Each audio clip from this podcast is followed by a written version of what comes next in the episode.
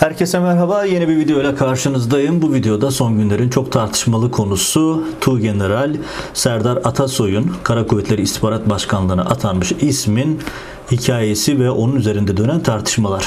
Bu videoya bakacağız. Bu videoda onun detaylarına bakacağız.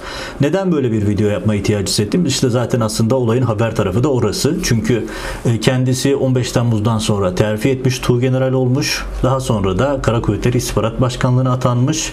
İktidar cenahından gelen haberlere bakılırsa 2021 Ocak ayı içerisinde MİT tarafından kripto bir cemaatçi olduğu tespit edilip e, tespit ediliyor, operasyon yapılıyor. Sonra da kendisi itirafçı oluyor. Şimdi resmi söylem bu.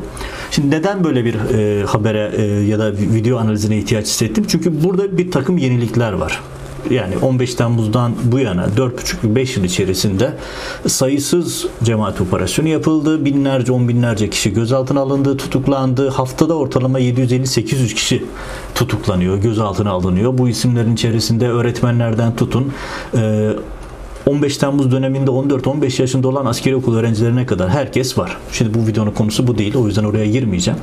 Bu operasyonu farklı kılan bir şey var. O da şu. Şimdi 5 Şubat günü Hürriyet'ten Yeni Şafak'a, TRT Haber'den Sözcü'ye, Aydınlık'tan Oda TV'ye, Türkiye Gazetesi'nden tutun e, TRT Haber'e kadar bütün medya tek bir haberle daha doğrusu aynı konuda çıkan haberlerle e, karşımıza çıktı. O da nedir? İşte kripto general yakalandı. E, Tu General Serdar Atasoy'un hikayesi. Şimdi bütün bu haberlerde öne çıkan bir şey var. O da şu. E, kim bu ismi korudu? Kim önünü açtı. Şimdi bütün bu haberlerde dikkat çekici taraf bu. Daha önceden yani genellikle Oda TV'ci ve Ergenekoncu kadrolar Hulusi Akar'ı hedef alan yazılar yazarlardı ve bu açıdan çok da sürpriz değil. Yani Oda TV'nin aydınlık ekibinin e, Ergenekoncu kadroların sosyal medyada ön plana çıkan bir takım isimlerin Hulusi Akar'ı hedef alıp onu hedefe koyması çok da sürpriz değil. Alışılmış bir durum. E, çok haksız bir eleştiri de değil onu da ifade edeyim. E, peki Hükümet cenahına ne oldu? Yeni Şafak'tan Hürriyet'e kadar hepsi, TRT Haber'e kadar hepsi birdenbire şu soruyu sordular. Bu generalin ismini kim e, önünü açtı, kim Kara Kuvvetleri İstihbarat Başkanlığı'na kadar getirdi? Tabi analize ihtiyaç olan taraf burası ve benim bir video yapma nedenim de o. Şimdi olayı izleyemeyenler için kısaca hatırlatalım. Şimdi Tu General Serdar Atasoy havuzun iddiasına göre çünkü burada şunu da hatırlatalım. E, tek merkezden çıktığı belli olan haberler bunlar ve bu haberlerin hepsinde de ayrı, enteresan ayrıntılar var. Aslında bu da e, Ankara'da yaşanan o büyük çatışmanın da e, bir bakıma ipuçlarını barındırıyor. Şimdi resmi şeylerden devam edelim. O da şu. Şimdi 15 Temmuz döneminde e, Serdar Atasoy albay olarak Bangladeş'te ateşe. 15 Temmuz'dan sonra 2016 Kasım'da Türkiye'ye dönüyor. Görevi bitiyor. İddiaya göre FETÖ'cü diye geri çağrılıyor. Yeni Şafak'ın ya da TRT Haber'in haberlerine göre. Ama bu kısmı muallakta. Ama sonrasında Erzincan'a 3. Ordu'ya görevlendiriliyor. 2020 yaşında ki 45 dakika sürmüştü biliyorsunuz 2020 yaşı 720 albayın emekli edildiği bazı önemli isimlerin emekli edildiği önemli bir yaş toplantısıydı. Orada Tu Generalliğe terfi ediyor. Daha sonra da Kara Kuvvetleri İstihbarat Başkanlığı'na atanıyor. Ama Kasım ayının başında kendisi dilekçe veriyor, emekli talebinde bulunuyor ve emekli oluyor.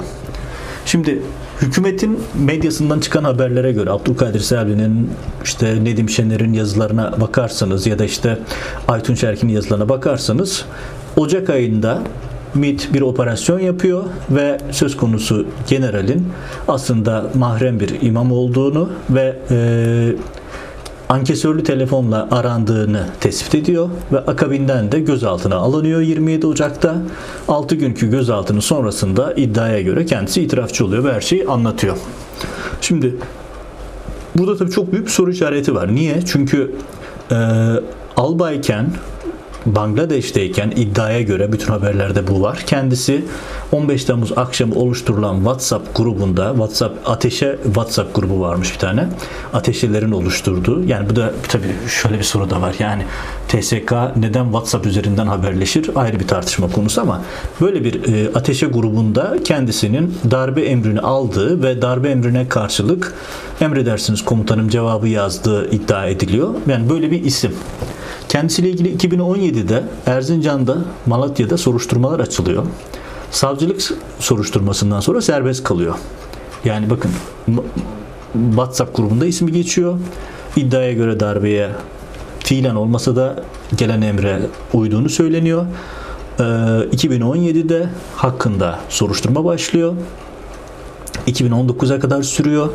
2019'da takipsizlik veriliyor ve akabinde 2020'de terfi ediyor. Şimdi 2020'deki terfi sırasında yani bu WhatsApp olayından ya da işte 2017'deki başlayan 2 yıl süren soruşturmadan haberdar olmamaları mümkün değil. Yani çünkü sonuçta FETÖmetre diye bir uygulama var ve 7 sülalenizi araştırıyorlar. Bu kadar çok kapsamlı bir operasyon yapılıyor. Akabinden işte e, Serdar Atasoy terfi ediyor. Ya o ifadelerin tamamı ya da o suçlamaların tamamı gerçek dışıydı. İfadeler sonrasında masum olduğu ortaya çıktı. Hakkıyla terfi etti. Ya da bu itirafçı olma olayında bir bit yeriği var.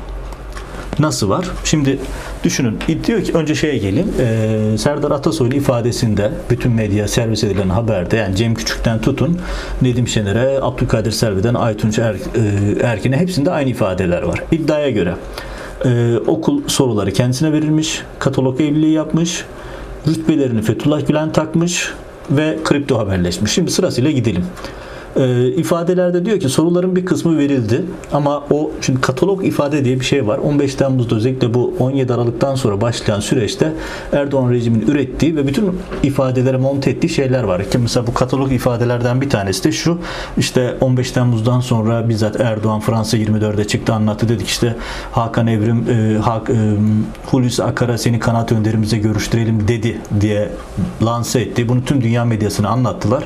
Ama sonra bu ifadenin doğru olmadığı, bu ifadenin e, bizzat rejim tarafından Hakan Evrim'in ifadesine monte edildiği mahkeme esnasında gözüktü. Ben de bunu TR724'te belgeleriyle yayınladım. Yani gerçekte olmayan bir ifade. Hani bu ifadeyi üretenler e, Tuğgeneral Serdar Atasoy için de ifade üretebilir mi? Son derece muhtemel. Ama yani bu varsayalım e, ifade, itirafçı oldu. Şimdi tabii şu sorun beraberinde getiriyor. E, diyor ki e, 1996'da İstanbul'da Çemberlitaş şey Fen Dershanesi'nin üst katında Fethullah Gülen'le bana e, rütbe töreni yapıldı. Rütbemi taktı, elini öptüm. Şimdi 28 Şubat başlamak üzere 96 yazı. Ben o dönem yedek subaydım ve karargahtaki e, gerginliği bizzat yaşayarak gördüm. Yani öyle bir dönemde ve iddia edildiğine göre Serdar Aksoy, e, Atasoy cemaatin mahremin mahremi. Yani o kadar çok gizli, önemli birisi. Ama Fen dershanesinin üst katında başka insanların da arasında rütbe töreni yapılıyor ve Fethullah Gülen elini öptürüyor. Yani fazlasıyla şüpheli. Çünkü hani kendisiyle çelişen bir ifade. Yani hem mahremi mahremi olacaksın hem de kamuya açık bir yerde gideceksin Fethullah Gülen'e böyle bir diyalog gireceksin ki Fethullah Gülen'in el öptürdüğünü gören yoktur. Ha şunu da hatırlatalım. Bu katalog ifadeler e, bölümünde şu da var. E, yani o kadar çok yalan haber yapıldı ki hatırlayın işte İzmir'deki Yamanların üst katında bir e, bölümde Fethullah bir tane el figürü var. Hatırlarsınız Google'da çok matrak bir haberdi. El figürü var. İşte güya Fethullah Gülen'in eli bu. Bütün teğmenlerde gidip o eli öpüyordu. Şimdi bütün bu süreçte 15 Temmuz ve öncesinde başlayan o paralel sürecinde böyle bir gizem oluşturma, ezoterik bir hava oluşturmak için işte katalog evliliği gibi bir kavram yani insanlar normal görücü usulüyle evlenmişse bile onlar katalog evliliği diye tanımlıyor. İnsanlar normal sınav sorularına çalışmışsa sorular bana verildi diyor. Ya da işte e, Fethullah Gülen'in elini öptüm diyor ya da Fethullah Gülen bana rütbe taktı diyor. Realitesi var mı?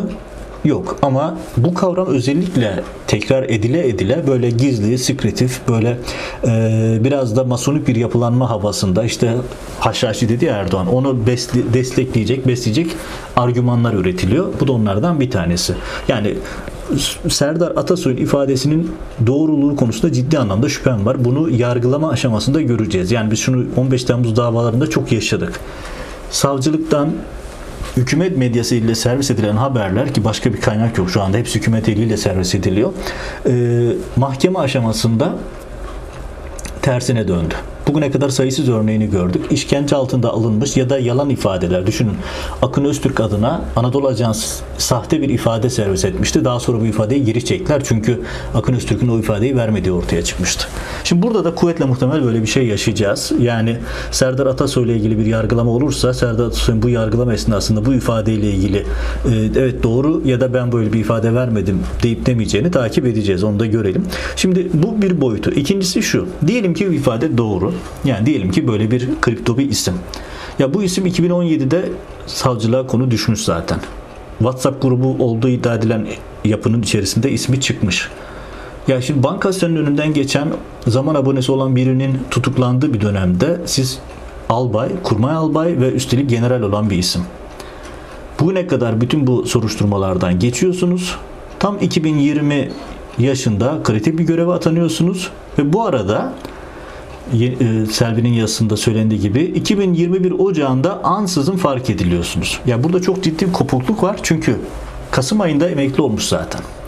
Şimdi ansızın fark edilmiş olamaz. Kasım ayında çünkü yani düşünün siz bir general olmuşsunuz. istihbarat başkanlığı gibi kritik bir yere gelmişsiniz ve akabinde Kasım ayında emeklilik dilekçesi veriyorsunuz. Yani bir generalin bu şekilde emekli olması akla mantığa uygun değil. Hayatın akışına da uygun değil. Dolayısıyla birisinin Serdar Atasoy'u emekliliğe zorlaması gerekir. Emekliliğe zorlanmışsa hürriyette yazıldırıldığı, yazdırıldığı ya da Cem Küçük'ün yazdığı gibi 2021 Ocak ayı içerisinde ansızın fark edilmiş olamaz. Kasım ayından Ocak kadar ne değişti? Sorusu önemli bir soru. Ha bir de şu var. Bütün bunların dışında şunu da unutmamak gerekiyor. Ya bu nasıl bir cemaat ki? Binlerce şu yani şu ana kadar 30 bine yakın subay az subay. 150 civarında general ordudan ihraç edildi, tutuklandı vesaire. Ya bu kadar adamınız var ama askeri okul öğrencileriyle, askeri lise öğrencileriyle darbe yapmaya kalkıyorsunuz. O da birkaç bin kişiyle. Yani hani Aristo mantığına göre bile basit mantıkla ilgili uyuşmayan absürt bir durumla karşı karşıyayız. 4,5-5 sene sonra isimler yapılıyor. Eğer gerçekten bu bir cemaat darbesi ise cemaatin bu kadar adamı niye darbeye katılmadı? Neden darbecilerle mücadele etti? Yani bu bir 15 Temmuz videosu değil. Erdoğan'ın korumalarından, pilotundan, e, kuvvet komutanlarının korumalarına kadar hepsi cemaatçi diye tutuklanıyor ama nedense cemaat cemaat darbe yapıyor ve cemaatin kendi adamları darbeyi enlemeye çalışıyor. Birçok yerde bunun örnekleri var. Darbecilerle mücadele eden adamlar daha sonra cemaatçi diye tutuklanıyor. Şimdi bu da o teoride önemli bir yere oturuyor. Yani Serdar Atasoy kripto cemaatçi ise ve bu adamlar 15 Temmuz'da ne yaptılar o zaman? 15 Temmuz'a neden karışmadılar? Neden, neden birçoğu mücadele etti sorusunu. Hani bugünlerde çok popüler ya Süleyman Soylu İçişleri Bakanı dedi işte 15 Temmuz'un arkasında FETÖ yoktu. Evet bence de yoktu. Yani bence FETÖ diye bir şey de yok ama yani 15 Temmuz'un arkasında FETÖ yoktu çünkü 15 Temmuz bir darbe girişimi değildi. 15 Temmuz Hulusi Akar'ın kurguladığı, Hakan Fidan ve Erdoğan'la birlikte kurguladığı bir kumpastı. Bir grup askeri darbe yapacağız diye gaza getirip öbür taraftan da onların nasıl bastırılacağı daha 15 Temmuz'dan çok önce planlanmıştı ve bunun icra aşamasında Ergenekoncu kadroyla birlikte yapmışlardı. Dolayısıyla hani gerçekten ortada bir darbe olmadığı için arkasında da başka bir yapının olması mümkün değil. Şimdi gelelim Serdar Atasoy'un tekrar verdiği isimlere. Şimdi bir anda fark edildi ifadesi doğru değil çünkü Kasım ayında emekli olmuş zaten emeklilik teşhisi vermiş. 2017'de e, tes, e, tespit edilmesine rağmen yıllar boyunca herhangi bir işlem yapılmamış. Bana son derece şüpheli geliyor. Ya o zamanki işlem doğru e, arkası boştu, doğru bir operasyon değildi ya da 2021 Ocağı'nda Şubat'ında yapılan operasyon başka bir amaca yönelik başka bir ters flag false flag diye bir kavram var biliyorsunuz. Ters e, bayrak göstererek başka bir operasyon yapıyorlar. Yani bu da şunun ifadesi. Oraya da geleceğim. Neden böyle bir isim yapıldı? Verdiği isimlere bakıyorsunuz. Ya yurt dışında ya tutuklanmış isimler. Bir anlamı yok. Yani hani serbest kalmasın. Hani bunu neden şöyle söylüyorum? Şimdi itirafçı olursunuz çok önemli isimler paylaşırsınız sizi serbest bırakırlar. Bakıyorsunuz Serdar Atasoy'un verdiği isimlere zaten ya tutuklanmış ya da yurt dışındaki isimler. Dolayısıyla verdiği isimlerin ona serbest kalmasını sağlayacağı bir durumda söz konusu değil. E, o zaman bu kadar kritik bir adam nasıl serbest kaldı? Hani fayda sağlayacak bir ifade de vermiş değil. Ya da 2017'deki soruşturması dediğim gibi boş bir soruşturmaydı, haksızlığa uğradı. Ya da 2020'deki soruşturma gerçek bir soruşturma değil başka bir takım hedefler için meze yapılan bir soruşturma vesaire. Geldiğimiz noktada işte deniyor ki e, çok mahrem bir e, isimdi. Tek imama bağlıydı ama verdiği isimler var. Tek imama bağlı olsa bu isimler bu şekilde olamaz. E, işte çok gizliydi deniyor ama WhatsApp grubuna dahil olmuş. O da ayrı bir soru işareti. Yani çok çok gizliyse nasıl keşfedildi ya da çok çok gizliyse bir WhatsApp grubunda ne işi vardı? Sorusu da ayrı bir soru. Yani bunun gibi çok fazla soru işareti var. Ee, dediğim gibi yani rütbe takma bana göre baştan itibaren e, son derece tartışmalı. Hani bu kadar e, kripto e, mahrem bir subay olacaksınız ama gidip işte kamuya açık bir yerde bir dershanenin üst katında Gülen'le buluşacaksınız. Dediğim gibi bütün bunların hepsi en baştan bu yana Gülen gizli sekretif bir şekilde örgütleniyor. Böyle hani biraz da böyle masonik yapılanmalardaki bir hava verilsin diye özellikle katalog ifade olarak her türlü ifadeye eklenmiş bir detay gibi gözüküyor. Şimdi gelelim burada ne olduğuna. Şimdi az önce tekrar söylüyorum hani son anda keşfedilmiş olamaz. Niye olamaz? Çünkü e, Serdar Atasoy'un ismi Müesser Yıldız e, Oda TV'deki yazısında 5 Şubat'taki yazısında anlatıyor. Diyor ki ben Haziran ve Kasım ayları arasında cezaevindeydim. Haksız yere tutuklanmıştım malum. Cezaevindeyken bana bile dosyası gelmişti diyor. Ben bile Serdar Atasoy'un ismini biliyordum diyor. Şimdi cezaevindeki bir gazeteciye hakkında bir dosya gidiyor Serdar Atasoy. Şimdi bu niye önemli? Şu açıdan önemli. İşte Aytunç Erkin'in yazısına bakın, Oda TV'dekilerin yazısına bakın, eski Ergenekonculara bakın. İşte orada Güven Şaban Albay, Albay Güven Şaban ve benzeri isimlerin yaptığı fişlemelerin örneklerini göreceksiniz. Bu da şunu gösteriyor. Demek ki Serdar Atasoy ile ilgili birileri daha önce bir fişleme dosyası hazırlamış. Bu fişleme dosyasını da dağıtmış. Hatta öyle bir dağıtmışlar ki cezaevindeki müesser yıldıza kadar gitmiş. Şimdi böyle bir durumda karargahın, MIT'in, Cumhurbaşkanlığının Serdar Atasoy duymaması mümkün değil. Peki o zamanlarda hiçbir işlem yapmayıp 2020 yaşında hem terfi ettirip hem de kara kuvvetleri istihbarata atadıklarında karşımıza bir soru çıkıyor. Yani ya Serdar Atasoy ile ilgili cemaatçi suçlamaları boş ya da bizim bilmediğimiz başka bir kavga yaşanıyor. Ve ayyuka çıkmış, ayağa düşmüş bir bilgi. Düşünün yani müesser yıldız diyor ki ben cezaevindeyim ben bile duydum bunu. Serdar Atasoy ile ilgili böyle bir dosya hazırlandığını, kendisinin 2017'de Erzincan'da savcılık tarafından çağrıldığını, ifade verdiğini, sonra takipsizlik verildiğini yani böyle bir takibata uğramış bir isim ama terfi ediyor. Buradan şuraya geleceğim. Şimdi hem Oda TV'ciler hem Ergenekon isim Mustafa Önseller, işte Ahmet Yavuzlar, işte Tolga Atilla, Nedim Şener kadroların hepsinin hedefi Hulusi Akar. Hulusi Akar'ın bu kadronun önünü açtığı Yeni Şafak'ın dahil olmak üzere ve koruduğu iddiası var. Çok sürpriz değil çünkü bu kadro hep bunu söylüyor zaten. Ama bu olayın bir başka boyutu daha var. İlk defa hükümet cenahından da aynı yönde haberler çıkmaya başladı. O da nedir? İşte kim korudu? Ürünü kim açtı? Yani düşünün Şamil Tayyar yılların Ankara gazetecisi AKP'de milletvekilliği yaptı. Hani bu işleri bildiği varsayılır gazetecilik tecrübesi itibariyle.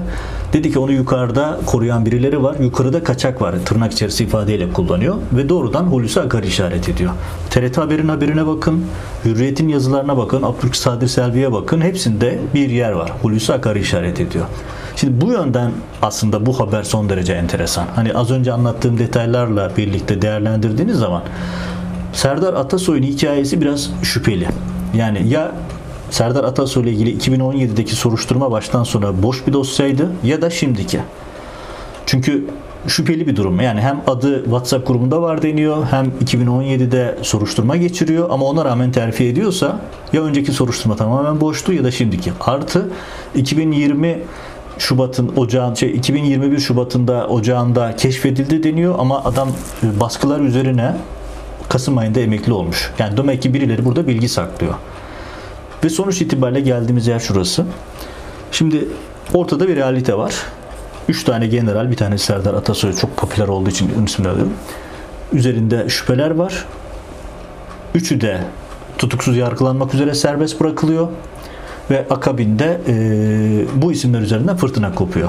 Bunu nasıl yorumlamak lazım? Bir, Hulusi Akar için çanlar çalıyor denebilir. Çünkü hem Ergenekon cephesi hem hükümet cephesi ilk defa tek bir noktaya atış ediyor Hulusi Akar'a. Çünkü bu direkt olarak Hulusi Akar'a işaret eden bir konu. Yani 2020 yaşı 45 dakika sürmüştü. 720 albay emekli edilmişti. Kadrosuzluktan ve benzeri gerekçelerle. O yaşta terfi eden isim dolayısıyla Hulusi Akar'ı direkt olarak ön plana getiriyor. Şimdi hem hükümet cenahı hem Ergenekon cenahı direkt olarak Hulusi Akar işaret ediyor. Cem Küçük'ün, Abdülkadir Selvi'nin, Yeni Şafakçıların özellikle MİT tarafından beslendiği artık herkesin bildiği bir realite. Ve bütün bu yazıların ortak özelliğine bakın hepsi MIT görevini çok iyi yapıyor. MIT süper. MIT Allah'tan MIT var. İşte Nedim Şener'in yazısında da aynı şey söz konusu. MIT bunların hepsini yakalıyor. Şimdi burada MIT'in TSK üzerindeki gücünün MIT'in TSK üzerindeki baskısının bir işaretini görmek mümkün. Ya bu da şunu gösteriyor. TSK ile MIT arasında, Fidan'la Akar arasındaki güç mücadelesinin bir yansımasını.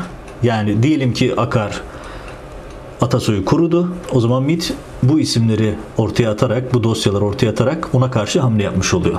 Bir Akar zaten hedefteki isim. Hem hükümet cenahından hem Ergenekon tarafından. MIT tarafından TSK üzerindeki baskılamanın devam ettiğini gösteriyor. Çünkü iddiaya göre işte TSK kendi içerisinde soruşturma yaptı, sivil savcılık yaptı ama MIT destek getirdi ve sonrasında deşifre oldu, itirafçı oldu ifadesi var. Bu da tabi beraberinde başka bir soruyu getiriyor. Bu da MIT'in TSK üzerindeki etkisini getiriyor. Buradaki e, gücünü ortaya koyuyor. Burada asıl üçüncü ve en önemli soru şu. Şimdi daha önce tespit edilmiş vazgeçilmiş, terfi etmiş vesaire. Bunların hepsini bir kenara koyalım. Ya yani 4,5-5 sene geçmiş 15 Temmuz'dan bunu da bir kenara koyalım. Şimdi şu anda öyle bir hava estiriliyor ki bakın Kabataş yalanında olduğu gibi hatırlayın. Bütün hükümet medyası aynı gün diliniz kaba, vicdanınız taş mı öyle bir ifadeyle çıktılar. Ee, bütün havuz medyası tek bir yazı, tek bir başlıkla çıktı. Şimdi onun aynısını biz bu olayda yaşadık. Düşünün Yeni Şafak'tan Aydınlığa, TRT Haber'den Hürriyet'e, e, Sözcü'den Oda TV'ye tamamı Serdar Atasoy haberiyle çıktı. Serdar Atasoy manşetiyle çıktı. Hepsinde aynı konu vardı ve estirilen şöyle bir rüzgar oluştu. Tehlike geçmedi. Risk hala çok büyük.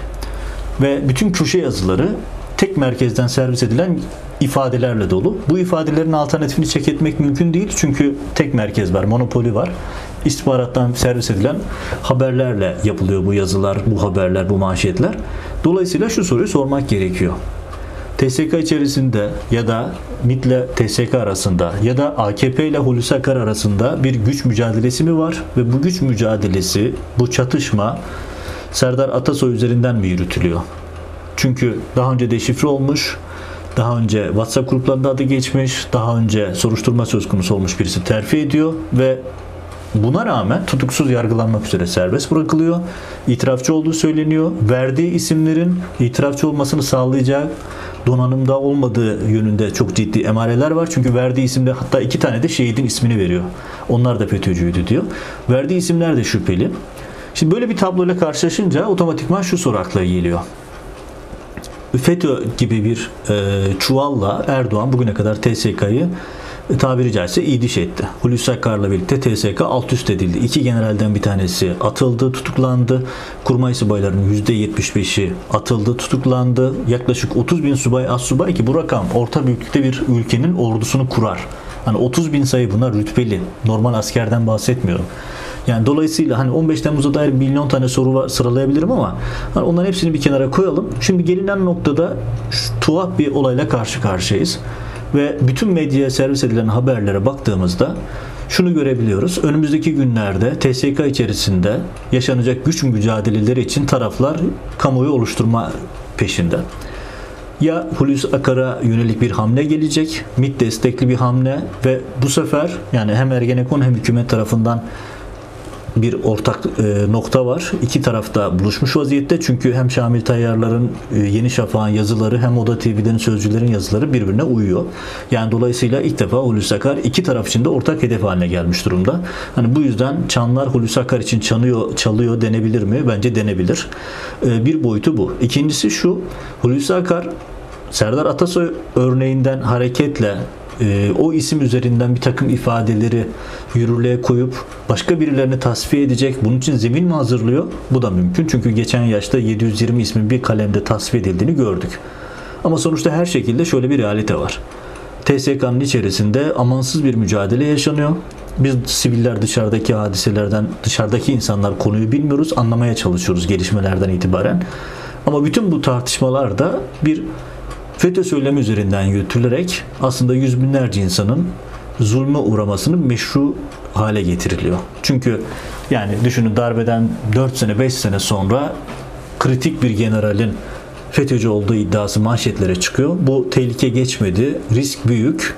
Aman dikkat e, yani o korkuyla besleme, o meşhur korkutarak yönetme e, politikasının bir başka versiyonuyla karşı karşıyayız.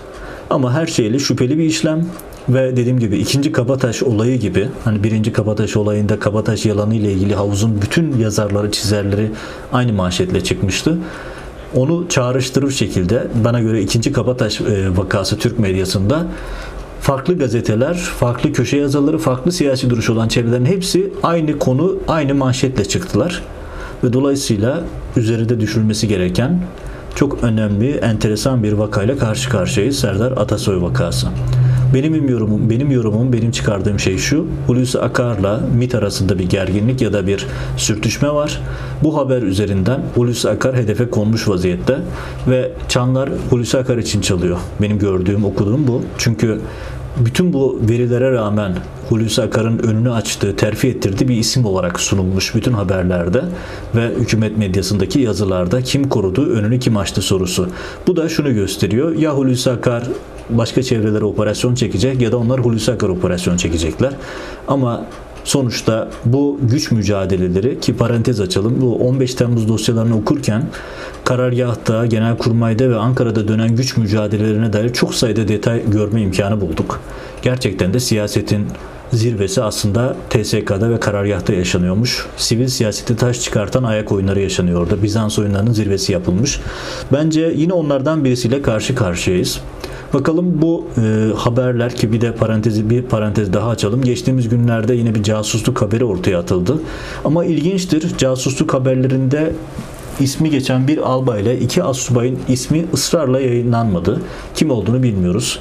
Gerçekten böyle bir casusluk var mı onu da bilmiyoruz. Ama hem casusluk söylemleri hem de hala bitmediler TSK içerisinde kriptonun kriptosu FETÖ'cüler var söylemi bir takım siyasi projelerin, bir takım siyasi operasyonların zemini olarak kullanılıyor gibi duruyor. Üzerine düşünmekte, gelişmeleri bu gözle okumakta fayda var. Ben gelişmeleri takip etmeye, analiz etmeye devam edeceğim. Kanala abone olur, yayınlara paylaşır, yorum yazarsanız daha fazla insana ulaşma imkanı buluruz. Önümüzdeki videoda görüşmek üzere.